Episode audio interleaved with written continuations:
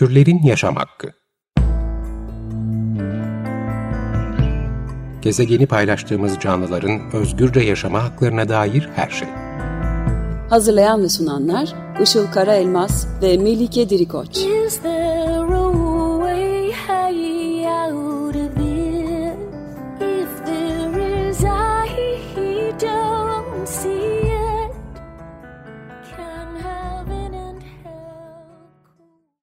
Merhabalar, 95.0 Açık Radyo'da Türlerin Yaşam Hakkı programı başladı. Ben Işıl Karaelmaz.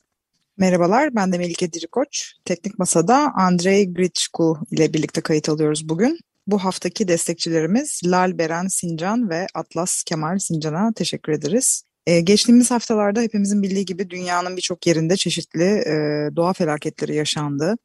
E, yangınlar hatta bazı yerlerde hala devam ediyor. E, Batı Karadeniz'de en son yaşanan sel felaketi e, gibi başka ülkelerde de e, oldukça anormal hava koşullarına bağlı birçok felaket yaşanıyor aynı anda üstelik. Ve hem insan hem de insan olmayan türlerde çok fazla can kaybı yaşandı ve yaşanıyor. Bu, bunları birbirinden tabii ki ayrı izole felaketler gibi düşünemeyiz. Aslında artık biliyoruz ki hepsi de iklim krizinin tam ortasında olduğumuzu ve bundan oldukça ciddi şekilde etkilendiğimizi gösteriyor.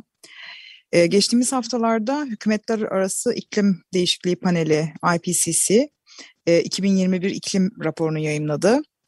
E, rapor insanlık için ve aslında hepimiz için de bu gezegende yaşayan herkes için de kırmızı alarm olduğu girişiyle sunuldu. Rapordan öne çıkan e, maddeler içinde bulunduğumuz iklim değişikliğinin kesin olarak insan faaliyeti kaynaklı olduğunu söylüyor e, ve emisyonlar acilen azaltılmazsa bir buçuk derecelik e, ısınma e, sınırını koruyamayacağımız ve bu anlamda da aslında e, olumsuzlukların geri döndürülemez şekilde yaşanacağı yönünde. Ve tabii biliyoruz ki dünya ısındıkça da sayıları şu anda yaşadığımız gibi, tanık olduğumuz gibi giderek e, artan e, büyük yangınlar, engellenemeyen e, yangınlar, seller, kuraklık, yükselen deniz seviyeleri gibi aslında felaketlerin çok daha fazla yaşanacağı ve belki de e, maalesef ki geleceğin normali olma riskinin de oldukça yüksek olduğundan bahsediliyor. E, işte bu noktada da bugün tabii ki de e, iklim krizini konuşacağız. Çoğu zaman da konuşmaya e, çalışıyoruz e, farklı yönleriyle. Konuğumuz e, 17 yaşında lise 11. sınıf öğrencisi genç bir iklim aktivisti. Çoğu iklim aktivistinin olduğu üzere ne mutlu ki aslında bir yandan da tabii e, gençlerin de artık e, yeni normali olması da e, tabii ki endişe verici. E, ama iyi ki varlar diyorum. E, aynı zamanda da iChild Sivil Toplum Kuruluşu'nun da gönüllüsü Melisa Akkuş. Hoş geldin Melisa. Hoş geldin. Merhaba, hoş buldum. Öncelikle e, şeyi sorarak başlamak istiyorum. İklim krizi genellikle sadece çevreyle alakalı bir şey olarak e, konuşuluyor ama iklim krizi sadece ekolojik bir kriz midir yoksa bunun ötesinde de farklı e, alanları e, var mıdır? Öncelikle bu gerçekten çok çok üzerinde konuşulması gereken bir konu. İklim krizi sadece bir hava olayıymış gibi görülüyor. Ya sadece yağmurun yağıp yağmaması, karın yağıp yağmaması, sadece iklim krizi buymuş gibi aslında anlaşılıyor.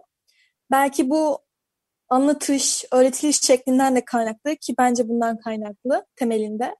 Ama iklim krizi sadece bir çevre meselesi değil. İklim kriziyle birlikte ekonomi, sosyal yaşam, kültür ve siyaset de etkileniyor ve gerçekten derin bir şekilde etkileniyor. Özellikle sosyal yaşamımız bundan çok ciddi bir şekilde etkileniyor ki bence bu yaz ayında çok karşılaştık bununla. Sosyal yaşamımız çok etkilendi. Örneğin Kanada'da sıcaklıklardan dolayı hayatını kaybeden insanlar oldu. Ve daha birçok yerde insanlar sıcaktan evine kapanmak zorunda kaldı, dışarı çıkamadı. Yani aslında iklim krizi hepimize ve her şeyi etkileyecek bir boyutta şu an. Zaten kriz dememizin en önemli sebeplerinden bir tanesi bu. İklim krizi sadece bir çevre meselesi değil. Bu da bize gösteriyor ki aslında bu kriz hayatımızın her yerinde ciddi eşitsizlikleri ve yıkımlara sebebiyet veriyor. Evet siz genç iklim aktivistleri olarak söylemlerinizde sık, sık sıkça iklim adaletinden bahsediyorsunuz. Ee, bu, bu konuyu da biraz açabilir miyiz? Nedir iklim adaleti? Bir sözle başlamak istiyorum. Benim çok söylediğim bir söz, çok kullandığım bir söz. Hepimiz aynı fırtınanın ortasındayız ama aynı gemide değiliz. Bu söz iklim adaletini çok iyi tanımlayan bir söz. Gerçekten benim için çok en iyi şekilde tanımladığım bir söz. İklim adaletini en iyi tanımladığım söz. Burada şunu demek istiyorum. Evet aslında hepimiz krizleri yaşıyoruz, görüyoruz, duyuyoruz. Bir yerlerden hep aklımıza kazınıyor. Ama krizlerden hepimiz aynı şekilde etkilenmiyoruz. Örneğin İstanbul'da yaşayan birisiyle Doğu bölgesinde yaşayan birisi sıcak e, belki sıcaklıklardan aynı şekilde etkilenmiyor olabilir. Çünkü Doğu bölgesinde sıcaklıklar çok daha fazla yakıcı ve yıkıcı. Tabi İstanbul'da aslında sıcaklık oranları çok çok arttı. Ama e, bu örneği vererek aslında bunu açıklayabilirim. Yani bu e, hep aslında dezavantajlı grupta olan bireyleri tanımlıyor iklim adaleti. Çünkü iklim krizinden herkes aynı derecede etkilenmiyor. Dezavantajlı gruplarda kadınlar, LGBT artı bireyler, çocuklar, hamile kadınlar yer alıyor. Çünkü bu gruplar maalesef iklim krizinin sonuçlarından ilk ve en derin etkilenen bireyler. Ee, evet bir görsel vardı hatta ben de e, onu çok etkileyici bulmuştum. Böyle yanan bir e, kibrit e, işte iklim krizini ifade ediyor ve e, işte kibritin yandığı kısımdan en yakın olanlar aslında işte insan olmayan hayvanlar e, daha sonra e, işte dezavantajlı gruplar e, ve daha sonra da aslında herkesin de etkileneceği gibi işte e, aslında avantajı elinde bulunduran e, gruplar. Yani bir süre sonra herkesi etkileyeceğini biliyoruz ama maalesef şu an için herkesi aynı derecede etkilemediği için aslında ayrıcalıkların arkasına sığınılabiliyor belki de. E, ama biliyoruz ki aslında bir nokta gelecek ve herkes e, yardım için hani evet. e, koşturmaya ve panik halinde ne yapabiliriz demeye başlayacak ama işte mesele zaten o noktaya gelişimizin e, çok geç olup olmayacağı ve muhtemelen de geç olacağı konusunda da sürekli uyarılar var. Sürekli erken hareket edilmesi gerektiği konusunda. E, bu noktada tabii ki bir adaletsizlikten ve adalet meselesinden bahsediyoruz. E, biraz önce açıkladın ama e, neden sosyal adalet olduğuna biraz daha girebilir misin? Yani e, bunu mesela şeyde de çok e, aslında görüyoruz. Yani sadece iklim krizinin etkileri değil, iklim krizinin neden olan dünyadaki e, uygulamaların da zaten sosyal adaletsizlikler yarattığını biliyoruz. İşte e, bu Kanada'da pipeline mevzusu ya da işte e, daha çok yerli halkların e, kendi bulundukları alanların işte e, sermaye tarafından e, aslında yerle bir edilmesi, bu insanların aslında göçe zorlanması, yani hani bir tarafta iklimin getirdiği bir sıkıştırma var, bir tarafta da zaten bir anlamda da işte doğanın tahribatı, ekolojinin yok edilmesi ve Hı. hani e, bütün bu sömürü düzeninin aslında vermiş olduğu bir e, neden olduğu bir adaletsizlik var. Yani bunlara biraz daha örnekler verebilirsen aslında e, süper olur. Tabii. İklim adaleti evet temelinde aslında bir adalet sorunu ve buradan da sosyal adaleti bizim bakmamız, öğrenmemiz gerekiyor ve bu çok önemli. Biz özellikle 25 Eylül küresel iklim grevinde iklim adaleti sosyal adalettir demiştik ve bunu sürekli söylemeye devam ediyoruz. İklim adaletin temeli ekoloji, iklim krizi ve sosyal adaletin bir arada ele alınması aslında. Yani bu çok önemli. İklim adaleti insan haklarının ve geliş, gelişmenin iklim kriziyle ilintili olarak güvenceye alınması, iklim krizi etkilerinin adil paylaşılması ve iklim krizinin adil ve ortak çözümler aranması olarak da tanımlanıyor. Özellikle adil ve ortak çözümlerin altını çizmek istiyorum. Bu bakımdan da ya bu, buradan yola çıkarak da iklim kriziyle mücadele için söylenen hepimiz aynı gemideyiz söylemeye doğru değil. Yukarıda da bahsettiğim gibi, az önce bahsettiğim gibi. Çünkü iklim krizi günümüzde birçok coğrafi yaşanmaz hale getiriyor. Türkiye'de de bu durum geçerli. Üretim yapılamaz hale getirmeyi sürdürüyor. İklim krizi, iklim krizi sebebiyle yerel topluluklar ve gençler başta olmak üzere insanlar yaşadıkları yerden göç etmek zorunda kalıyor. Ve iklim mülteciliği, biz gelecek zamanda iklim mülteci, mültecilerini çok sık duyacağız. Yani şu an gündem bu değil. Çünkü konuşulmuyor, sürekli arkaya atılıyor ama biz gelecek yıllar hatta belki yıl bir önce iklim mülteciliği kavramını çok sık duyacağız ve belki biz de eğer bu şekilde giderse önlemler alınmaz, taleplerimiz duyulmazsa bir iklim mültecisi olabiliriz. Buna bağlı olarak da iklim göçleri tabii e, kavramını da yine konuşmamız gerekiyor. İklim göçleri de şu an aslında birçok yerde var. Yani baktığımız zaman özellikle Hindistan'da mesela insanlar hava, aşırı hava kirliliğinden dolayı maske takıyor. Ve biz şu an pandemi sebebiyle maske takıyoruz. Covid-19 sebebiyle. Ama belki gelecek zamanlar sürekli maske takmak zorunda kalacağız hava kirliliğinden dolayı. Çünkü o kadar fazla tüketiliyor ki, toplumumuz o kadar fazla tüketiyor ki aslında hükümet o kadar çok tüketiyor ki maalesef hava kirliliği de artıyor ve buna bağlı olan tüm aslında diğer çevre felaketleri de artıyor.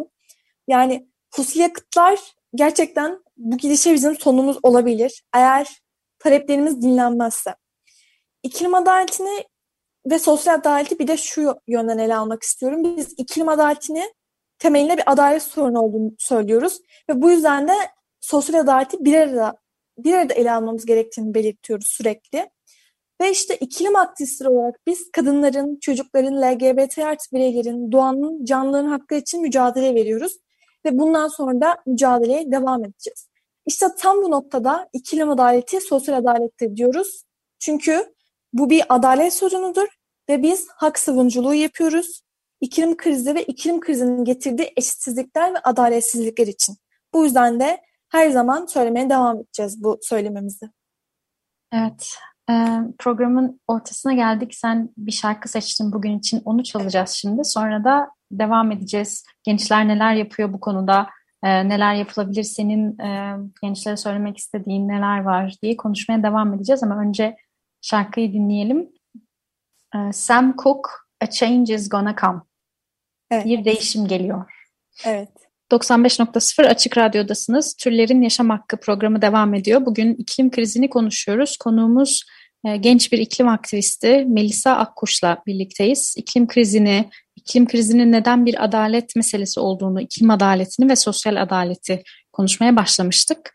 E, şimdi biraz da gençlerin kendilerine üstlendikleri e, rolden bahsedelim istiyorum iklim krizi konusunda çocuklar ve gençler geleceklerine sahip çıkıyorlar ve başı çekiyorlar. E, bu konuda Melisa sen ne düşünüyorsun?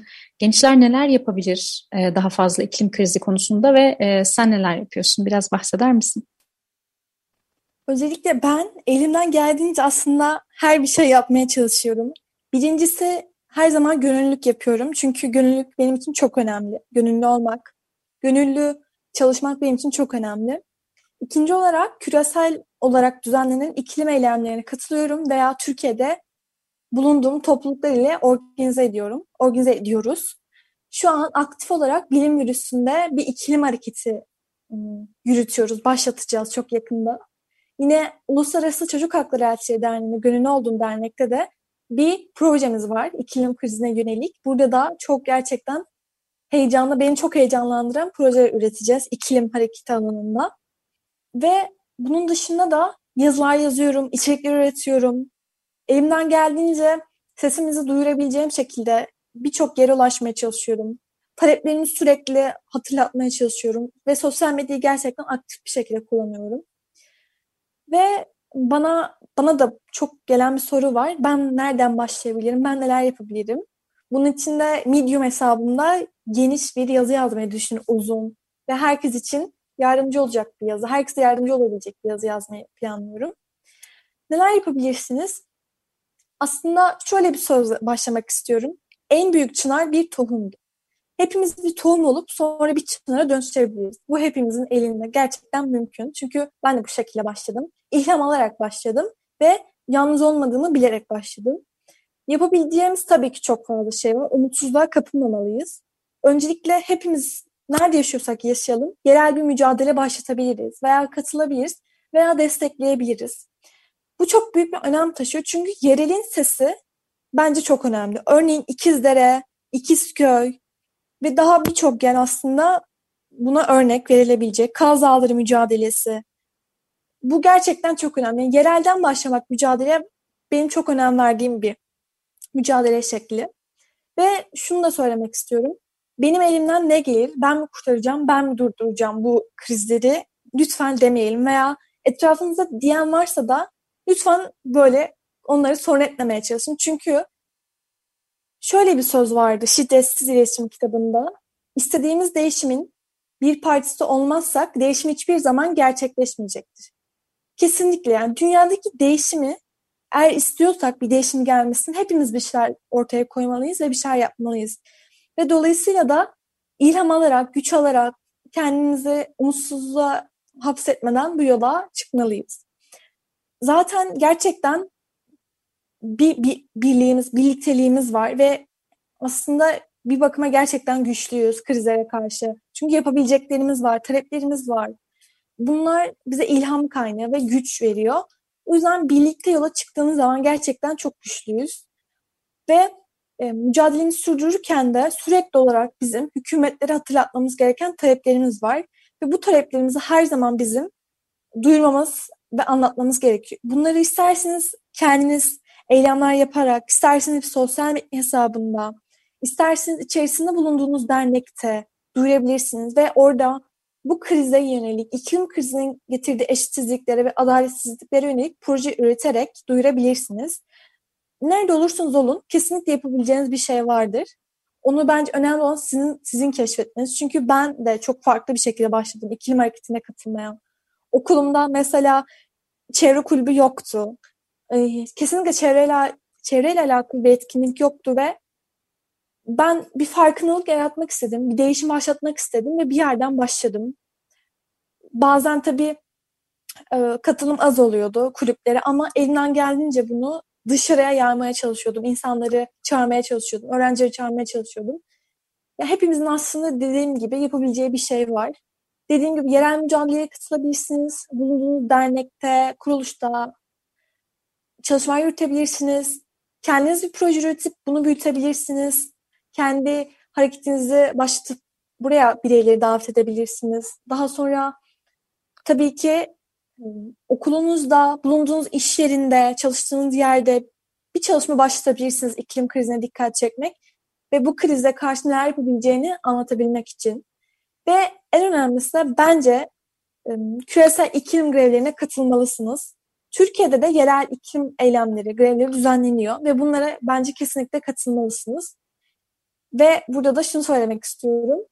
İklim krizine karşı biz değilsek kim, şimdi değilse ne zaman?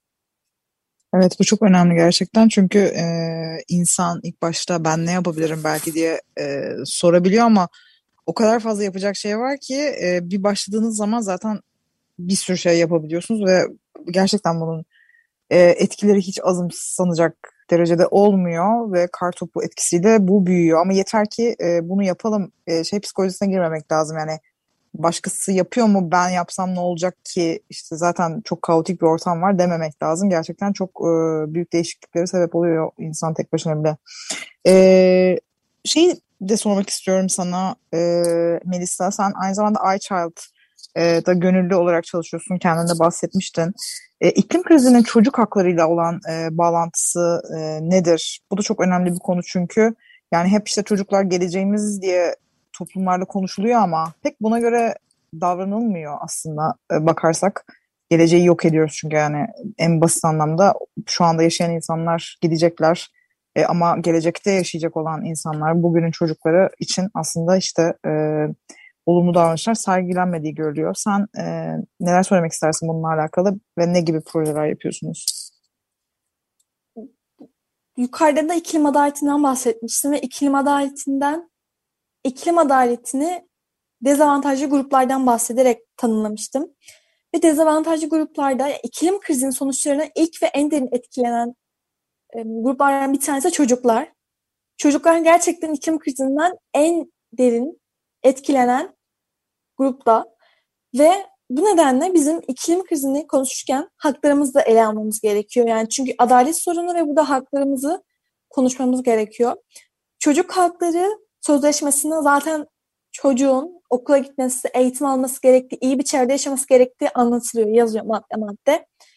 Ve tam bu noktada şunu söylemek istiyorum. Aslında maalesef sözleşmedeki gibi e, her her şey sözleşmedeki gibi değil, kesinlikle değil. Durum çok e, kritik bir noktada, kritik bir noktadayız. Ben şu an gerçekten geleceğimden endişeleniyorum. Hem de çok endişeleniyorum.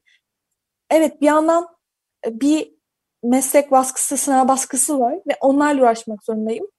Ama baktığım zaman hani, sorguluyorum gerçekten o kadar fazla felaketi yaşıyoruz ki ben düşünüyorum yani ben geleceğim için şu an mücadele, mücadele etmezsem, geleceğimiz için mücadele etmezsek acaba nasıl bir e, meslek inşa edeceğim ben? Nasıl bir meslek hani yapacağım? Mesleğimi yapabilecek miyim? Okuyacağım bölümü bitirebilecek miyim?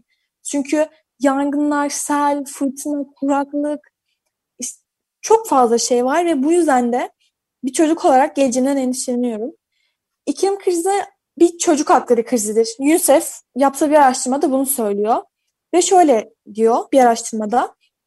Bugün yaklaşık 503 milyon çocuk tayfun, kasırga ve fırtına gibi aşırı hava olaylarının ve yükselen deniz seviyelerinin yol açtığı artan sel riskinin tehdit altındaki bölgelerde yaşamaktadır. Bu sayı çok fazla. Gerçekten bu kadar 503 milyon çocuk çok ciddi bir yerde yaşıyor. İklim krizinden çok fazla etkilenecek durumda ve etkileniyor. Bu yüzden bizim iklim krizini konuşurken daima haklarımızı ön planda tutarak konuşmamız gerekiyor. Çünkü burada da dediğim gibi iklim krizi bir çocuk hakları krizidir. Çünkü en derinde ilk çocuklar etkileniyor bu krizden. Kendisi, kendilerini koruyacak, kendimizi koruyacak bir mekanizma, bir önleyici bir mekanizma olmadığı için ve dolayısıyla aslında her zaman hak temelli yaklaşmamız gerekiyor bizim iklim krizini konuşurken. Ve Ayçarat'ta da yani Uluslararası Çocuk Hakları Elçileri Derneği'nde de biz iklim krizi için ve bu krizin getirdiği eşitsizlikler için de çalışmalar yürütüyoruz. En temelinde çocuk hakları için çalışmalar yürütüyoruz ve o yüzden çalışmalarımızı takip etmenizi ve katılmanızı öneririm. Evet, buradan da duyurmuş olalım. Ee, süremizin sonuna geliyoruz ama istersen şeyle bitirelim. Bu senin de bahsettiğin mümkün olduğunca fazla yerde taleplerimizi dile getirmemiz çok önemli diyorsun. Ne gibi talepleri var iklim, iklim aktivistlerinin hükümetlere? Tabii. Ben taleplerimizi okumak istiyorum çünkü çok önemli talepler ve bu kadar fazla krizi iç içe yaşarken hala harekete geçirilmeyen, hala umursanmayan taleplerimiz var. Bu çok üzücü çünkü iklim krizini yaşıyoruz. Yani iklim krizi. Bu gerçekten yaşadıklarımızın hepsi iklim krizi. Yaşadığımız bu felaket. Ama maalesef hükümetler hala fosil yakıtlara yatırım yapmaya, gözlerini para bürümeye, her şeyi para olarak görmeye devam ediyor ve bu yüzden maalesef ki taleplerimiz harekete geçmiyor ve iklim krizini ciddi bir şekilde her gün daha kötü bir şekilde yaşamaya devam ediyoruz. Ama biz sürekli hatırlatacağız ve hatırlatmaya devam edeceğiz ve taleplerimiz şunlar. Paris Anlaşması'nın onaylanması, Türkiye'de iklim acil durumu ilan edilmesi ve iklim aciliyetiyle yüzleşilmesi, küresel ısıtmanın 1,5 derece ve seviyesi ve altına tutulması için uğraşılmalı ve yapılan çalışmaların hepsinde bilim dinlenmeli. Türkiye başta olmak üzere ekolojik yıkama sebebiyet verecek projelerin, örneğin kanal projesi, tarım alanlarının suyumuzu, doğal yaşamı tehdit eden tüm maden projeleri, termik santraller ve doğalgaz projelerinden yatırımların geri çekilmesi ve durdurulması, iklim krizinin beraberine getirdiği hak ihlallerine karşı harekete geçilmesi ve haklarımızın hak ihlallerine karşı önlem alınması, iklim krizi dezavantajlı grupla ciddi bir boyutta etkilediğinden iklim adaleti ve sosyal adalet ile fırsat eşitliği sağlanmalı. Taleplerimiz kısaca bu şekilde. Tabii ki çok önemli daha birçok talebimiz var. Ama kısaca bu şekilde özetle, özetlemek istiyorum. Ve taleplerimizin duyulması, harekete geçilmesi için, harekete geçirilmesi için elimizden geleni yapmaya devam edeceğiz. Evet süremizi de bitirdik. Kapatacağız ee, yavaş yavaş. 95.0 Açık Radyo'da türlerin yaşam hakkını dinlediniz. Bugün konuğumuz genç iklim aktivisti Melisa Akkuş'tu. Ee, iklim krizini, e, iklim adaletini, sosyal adaleti, neden bir sosyal adalet meselesi olduğunu e, konuştuk ve de gençlerin kendisinin neler yaptığını, iChild e, sivil toplum kuruluşunda neler yaptığını e, ve en sonunda taleplerini e, konuştuk. Melisa çok teşekkür ederiz katıldığın için ve verdiğin bilgiler için. Ben de çok teşekkür çok, ederim. Çok teşekkür ederiz Melisa. Sorularınız, yorumlarınız için bize e-mail ile ulaşabilirsiniz. E-mailimiz turlerinyasamhakki.gmail.com Dinlediğiniz için teşekkür ederiz. Haftaya görüşmek üzere. Görüşmek üzere, hoşçakalın. Türlerin Yaşam Hakkı gezegeni paylaştığımız canlıların özgürce yaşama haklarına dair her şey. Hazırlayan ve sunanlar Işıl Karaelmaz ve Melike Dirikoç. Is there a